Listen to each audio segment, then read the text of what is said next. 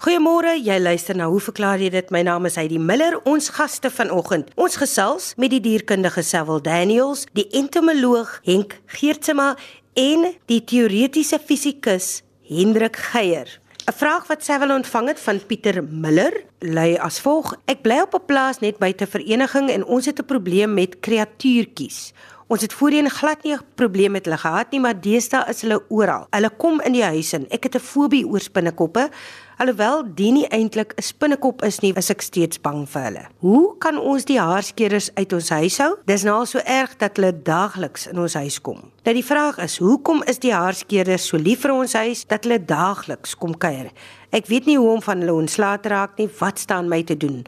Ons het twee klein kindertjies, 1 en 3 jaar oud. Ek wil nie hê dat hulle moet vir die goed bang wees nie, maar ek wil ook nie hê dat hulle met hulle moet speel nie. Wat is jou raad aan Pieter Miller van Vereniging Gauteng? Goeiemôre Heidi, uh, luisteraars. Pieter, ter antwoord op jou vraag. Spinnekoppe natuurlik nou in 'n los wetenskaplike term het uiteraard baie belangrike ekologiese rolle wat hulle vertolk of speel. Nou daar word beraam dat spinnekoppe jaarliks enige iets tussen 400 tot 800 miljoen metrieke ton insekte verorber. Nou as mense dit moet vergelyk met hoeveel vleis en vis mense eet, is dit ongeveer 400 miljoen. So net uit 'n ekologiese perspektief uit kan 'n mens tog sien dat hierdie ongediertes of gedroggies soos jy nou na hulle verwys 'n redelike belangrike ekologiese rol het. Nou as 'n mens nou spesifiek kyk na die rooi roman en dan nou vra wat is hulle ekologiese rol? Wel, hulle eet ander spinnekoppe, skorpioene en klein reptiele daar selfs versla in literatuur dat hulle klein slange kan eet as ook geitjies. So uiteraard speel hulle 'n redelike belangrike ekologiese rol.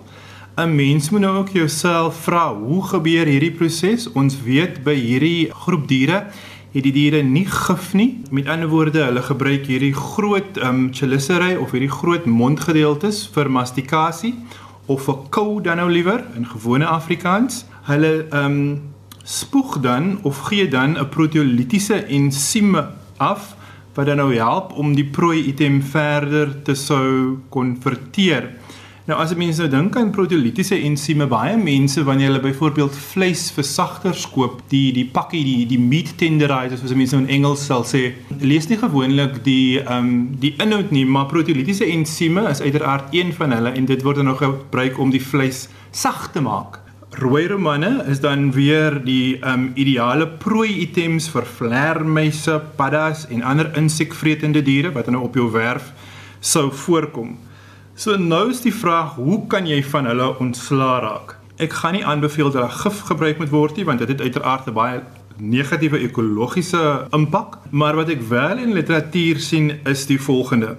Ehm um, die diere hou geensins van eukaliptusbome nie of stokke nie, so ek kan aanbeveel dat jy van hierdie op die werf sou plaas. Dan stel die literatuur ook voor dat 'n mens pepermentolie kan aansmeer aan die areas waar die diere nou sou gebruik as toegang uh tot die huis, byvoorbeeld die voordeur en die agterdeur by die garage deur. Jy kan ook lemoen en asynwater meng en nou dit um gebruik in die areas wat toegang bied tot die huis. En dan kan 'n mens ook prakties net 'n skerm um voor die deur sit wat dan nou sal voorkom dat die diere in die huis direk toegang kan kry. Maar 'n mens moet dan nou ook onthou net dat 'n fobie werklike irrasionele vrees vir 'n voorwerp of organisme of vir 'n situasie kan wees. So ek sal nou voorstel dat 'n mens kalm moet probeer wees as jy die diere sien en hulle net uit die huis verwyder en dan sommer net so 'n lekker koppie tee of 'n stywe doppie drink om ons later raak van hulle en dan net weer aangaan want hulle het werklik geen negatiewe impakte nie. Hulle is net werklik 'n bietjie vrees aan die hand, maar behalwe dit kan hulle nie 'n mens um dood of redelik beseer nie. Ons sê dankie aan Sewil Daniels. Ons gesels nou verder met Henk Geertema. Uh, dag Heidi en Hendrik, meer luisteraars. Ek het 'n brief gekry hierso van Ronel Mens en sy vra iets oor die Asiatiese kewer. Dan vra sy nommer 1 Asiatiese kewer, 2 die stompkop kewer, Ewalaxia fornicatus en 3 Polyphagus shorthole borer.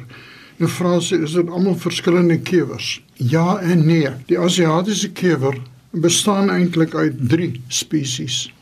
Maar die spesies wat nou vir ons 'n bietjie probleem gee is nou Fornicatus. Maar dit is 'n baie gespesialiseerde uh, rigting om die drie kewers uitmekaar te ken. 'n DNA-profiel gee gewoonlik die beste antwoord daarop. Maar wat hulle gedrag en hulle uitwerking betref, is dit al drie identies. Ronel vra dan en waarvan vrek die bome dan as daar vir ons dis nou hom, dis nou Henk Geertsma geen probleme is nie. Nou die hele ding is, hele storie word so 'n bietjie opgeblaas. As die Asiatiese kewer so groot probleem is, dan sou daar geen woude meer oorgebly het in die in die Asiatiese streek nie. Daar's 'n goeie uiteensetting in die jongste tuinbou tydskrifte wat gedoen word deur een van die universiteite, maar die ding is die boomsterftes as gevolg van die kewer loop op pad. Nie alle bome, ook die wat aangeval is, sal sterf nie. Bome het 'n natuurlike weerstand teen insekplaae en my diktum is natuurlik dat 'n gesonde plant lok geen plaaginsek nie. As 'n boerder byvoorbeeld in hierdie geval van die Asiatiese kewer, die kewertjie kom, sit op die bas en begin dan inboor. Dit's gewoonlik as dit die wyfie, dan reageer die plant deur plantsap uit te skei of af te skei. En as die gomvloei of sapvloei sterk genoeg is, word die kewer gekeer. En as die kewer enige duik maak of in 'n uh, jy weet 'n gaatjie maak, dan is dit net 'n oppervlakkige ene maar die kewer sal verdwyn. Wanneer die boom egter onder spanning verkeer, dan kan dinge verkeerd loop. Onthou, aangeplante bome is gewoonlik uitheems.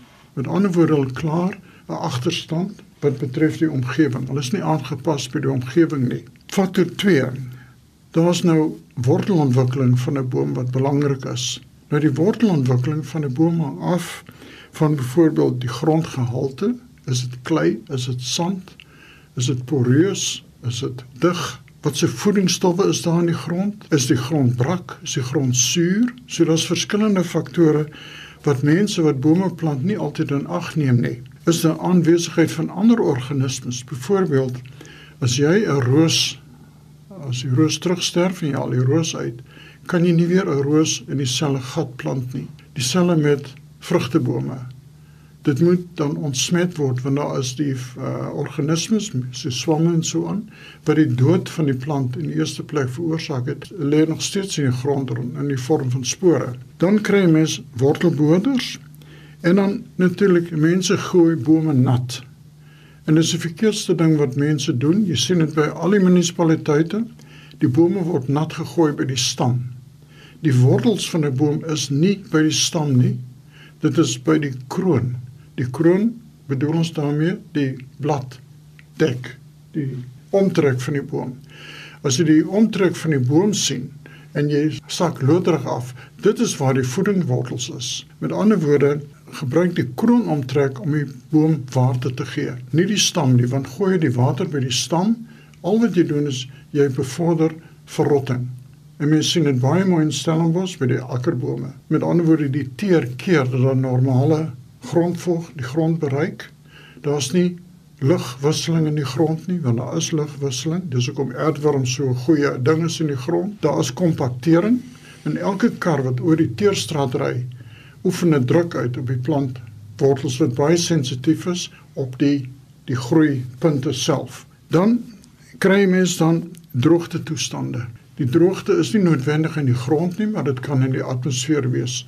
So die plante transpireer uitermatig om af te koel. Die grond, die wortels kan nie bybly om grondvog in die stelsel in te kry nie.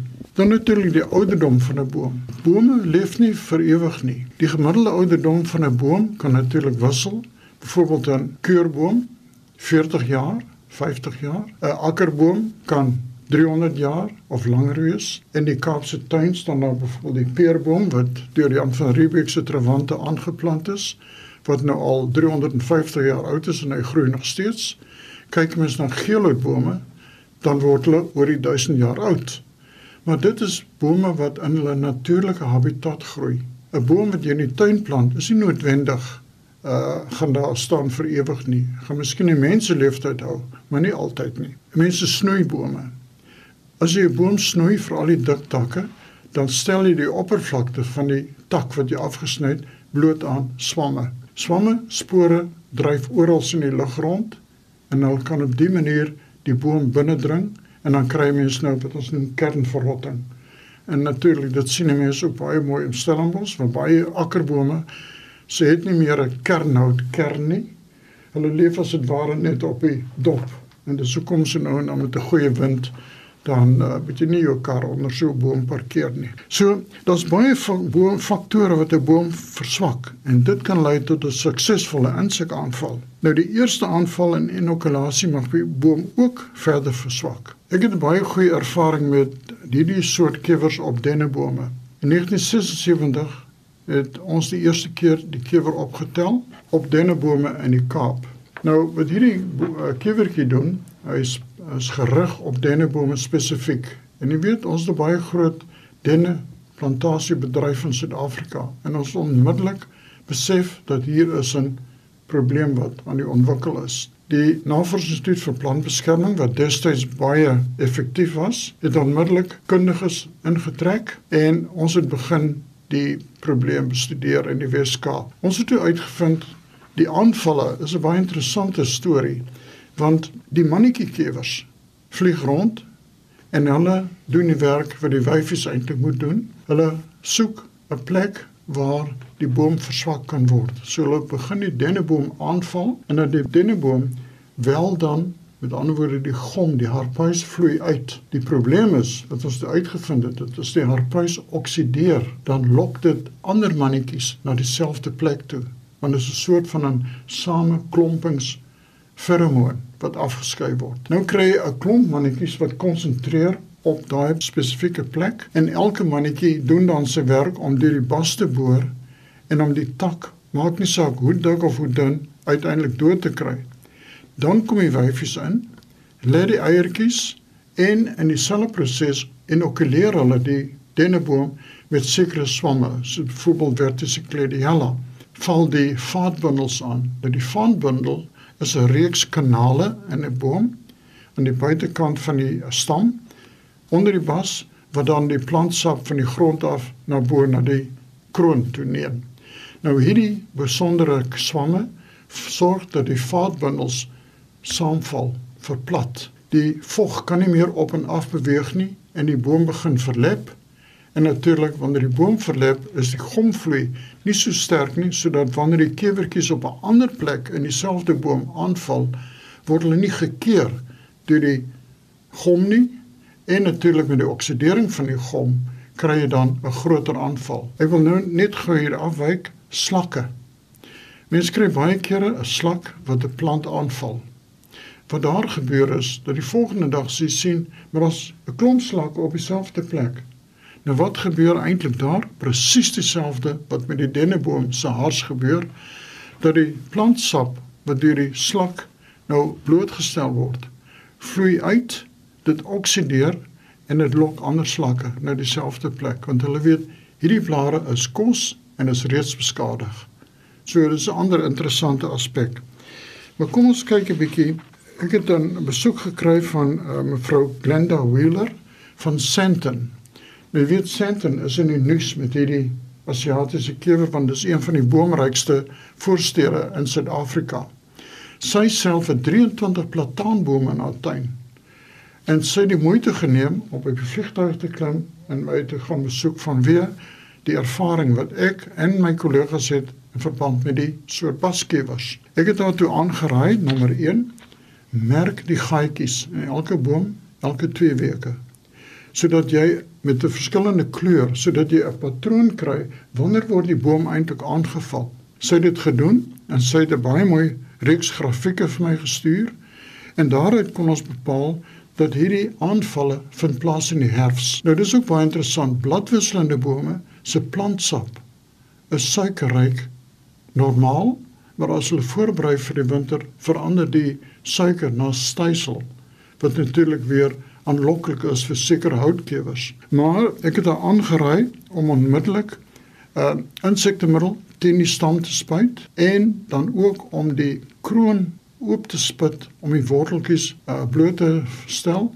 Kry 'n boomdeskundige, gee kunsmis en gooi water al om die kroonoppervlakte se wortels van haar bome het herstel. Daar is hoop en daar is redding en ek is net bevrees dat die hele storie word so bietjie opgeblaas. Dit sal goed wees as ons 'n ordentlike stuk navorsing daaroor kan doen, maar die ding is om te dink dat al die bome gaan uiteindelik sterf as gevolg van die kewer is nie heeltemal 'n korrekte benadering nie.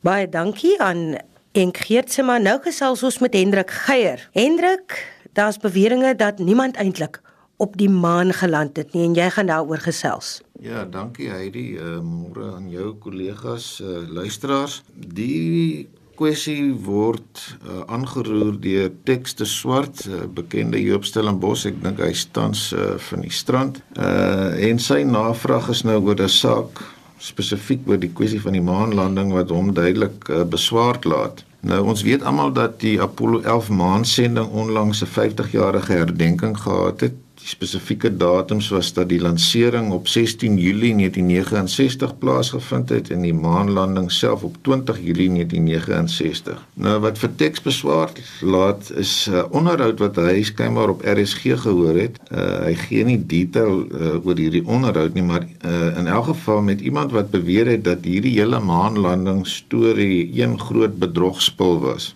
en die persoon het skynbaar selfs 'n boek daaroor gepubliseer. Tex is nou duidelik ongelukkig daaroor.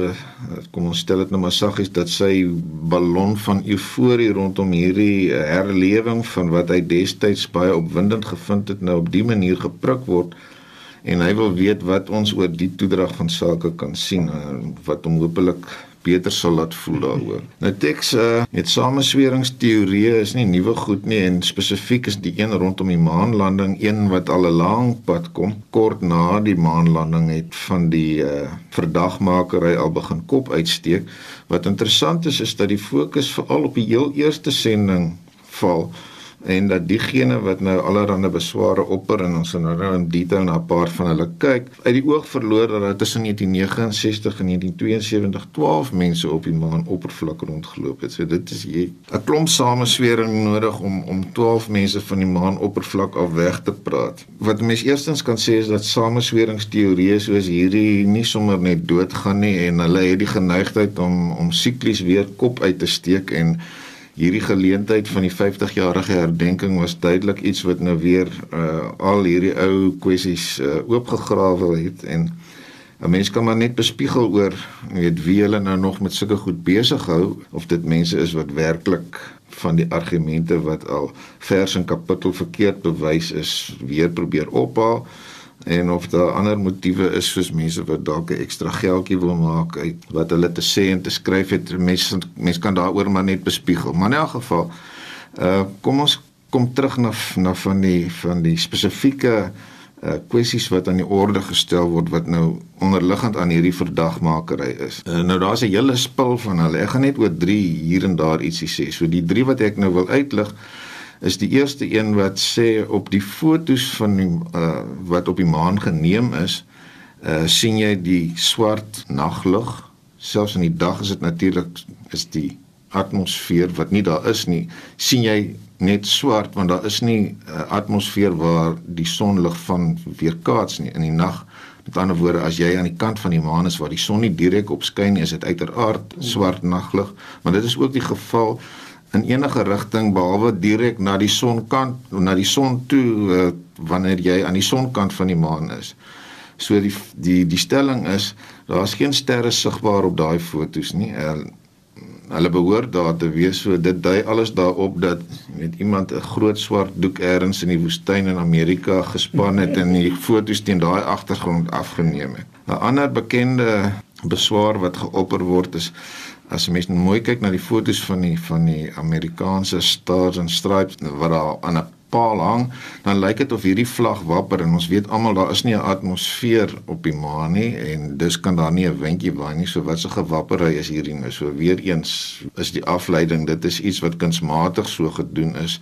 En as ons nou weer terug by die hele samesweringskwessie en dan ander kwessie wat dikwels uh, aangehaal word is hier na die fotos van die voetspore kyk wat die wat die uh, ruimtevaders gelaat word. Is dit baie skerp afgeetste voetspore en argument is sulke voetspore kan 'n mens net in 'n in 'n soort van klammerige sandomgewing kry. So ons weet almal daar's nie vog op die maan oppervlak nie. So weer eens maak dit dit besonder verdag dat jy nou sulke skerp voetspore daar sien. Nou kom ons praat oor elkeen van hierdie goed kortliks na mekaar. So soos ons reeds gesê het, omdat daar geen atmosfeer op die maan is nie, is dit inderdaad so dat selfs in daglig uh die lug swart vertoon en dat jy inderdaad sterre kan sien. Maar nou moet ons onthou onder watter omstandighede hierdie fotos geneem is. Die maanlandings was tipies vroegoggend, die son was laag op die horison die persoon wat die wat die foto neem moet sy kamera so stel dat hy 'n ordentlike foto kan neem. So hy neem nommer 1 'n baie helder beligte maan oppervlak af. Sy kollega het 'n spierwit ruimtepak aan. Uh, so as jy 'n goeie foto wil neem wat so helder belig word, uh, beteken dit natuurlik jy moet tipies 'n redelike hoë sluiterspoed gebruik en 'n klein lensopening anders gaan jy net 'n uitgewaste foto kry. Nou onder daai omstandighede is die is die sterlig eenvoudig te swak om ook op dieselfde foto te registreer. So dit is 'n relatief eenvoudige verklaring oor hoekom die fotos geen sterre wys nie. Oor die kwessie van die vlag wat so wapper, die vlag hang natuurlik aan 'n paal, maar aan die bokant van die paal is daar 'n horisontale staaf gewees wat die wat die vlag min of meer in posisie moes hou want anders sou hy natuurlik net daar pap gehang het. En skynbaar met die heel eerste Apollo 11 uh poging om hierdie vlag daar staan te maak, kon hulle die die horisontale arm nie tot sy volle lengte uitgerek kry nie. So wat jy daar gehad het is 'n vlag wat so half in 'n gekreukelde posisie in die eerste plek daar gehang het. En tweedens het die persoon wat nou die vlagpaal moes plant het die ding heen en weer gedraai. So uiteraard beteken dit dat jy in daai proses rimpels in die vlag bewerkstellig en dit is wat dan uiteindelik afgeneem. Om die waarheid te sê, mens lees dat uh, die ruimtevaarders na hulle uh, so ingenome was met hoe die vlag vertoon het vergeleke met die oorspronklike beplande amper platgestrykte vlag wat daar sou hang dat hulle aspres dit op dieselfde manier gedoen het dat dit so half lyk of die vlag daar waai. En dan derdens um, oor die spore uh, 'n mens weet as jy jy weet in baie fyn sand of meer spesifiek in 'n stowwerige omgewing in diep stof trap of selfs as jy die moeite sou doen om om 'n dik laag poeier ergens op 'n oppervlak te strooi en daarin trap dan gaan jou spoor baie perfek daar uh, bewaar bly uh, want anders as op grond of uh, in sanderige omgewing wat nie klam is nie, is die wrywing tussen die fyn poeierdeeltjies groot genoeg om om die effek van gravitasie wat hulle as dit ware na onder sou trek om die voetspoor uit te wis. Die wrywing is groot genoeg om dit te weerstaan en dus bly daai voetspoor daar behoue. So dit is ook nie 'n weet 'n vreeslike uh, moeilike ding om te verklaar nie. En dan laastens ek het nou nog nie daarna verwys nie, maar uh, dit is so dat um, daar nog een eksperiment oorgebly het van daai vroeë Apollo sendinge en dit is naamlik dat tydens die sendinge 11, 14 en 15 is daar 'n laserreflektor op die maan opgerig. Nou hierdie ding het 'n interessante konstruksie, ehm um, moeilik om te beskryf. Dit het 'n kubusagtige hoeke en die die ding is so gekonstrueer dat anders as by 'n gewone spieël waar ons weet as jy lig teen 'n hoek op die spieël laat inskyn dan weerkaats die ligstraal teen dieselfde hoek as wat hy ingeskyn het. Hierdie noem dit nou maar spieelkonstruksie is so dat onafhanklik van watter kant af jy 'n ligstraal of spesifiek dan 'n laserstraal daarop sou inskyn, dan word dit direk teruggekaats in dieselfde rigting die eksperiment is bedink om onder andere te monitor wat die afstand tussen die aarde en die maan is. Nou dit word steeds gebruik wat 'n mens wat miskien as 'n bietjie van 'n verrassing sou kom is. Ons weet dat 'n laserstraal eintlik baie min verstrooiing uh, ondergaan. So dis 'n 'n baie gefokusde straal. Maar maar nietemin is dit so dat die laserstrale wat van die aarde af na die maan toe gestuur word oor daardie groot afstand ons praat hier van amper 400 000 km so teen die tyd dat hierdie laserstraal by die maan aankom het dit verstrooiing ondergaan tot die mate dat jy eintlik daar met 'n kol sit van 7 km wyd. So wat uiteindelik op daardie vlektor registreer is 'n baie flou gedeelte van die laserstraal en teen die tyd wat hy teruggekaats word aarde toe praat ons van iets wat omtrent oor 'n 20 km radius waargeneem kan word. So ons praat uiteindelik van die nodigheid om oor baie lang tye die monitering te doen en te registreer, maar nietemin kan dit gedoen word en met met verstommende akkuraatheid, soveel so dat die aanspraak is dat 'n mens tot 'n akkuraatheid van omtrent 3 cm oor daardie afstand die afstand kan bepaal.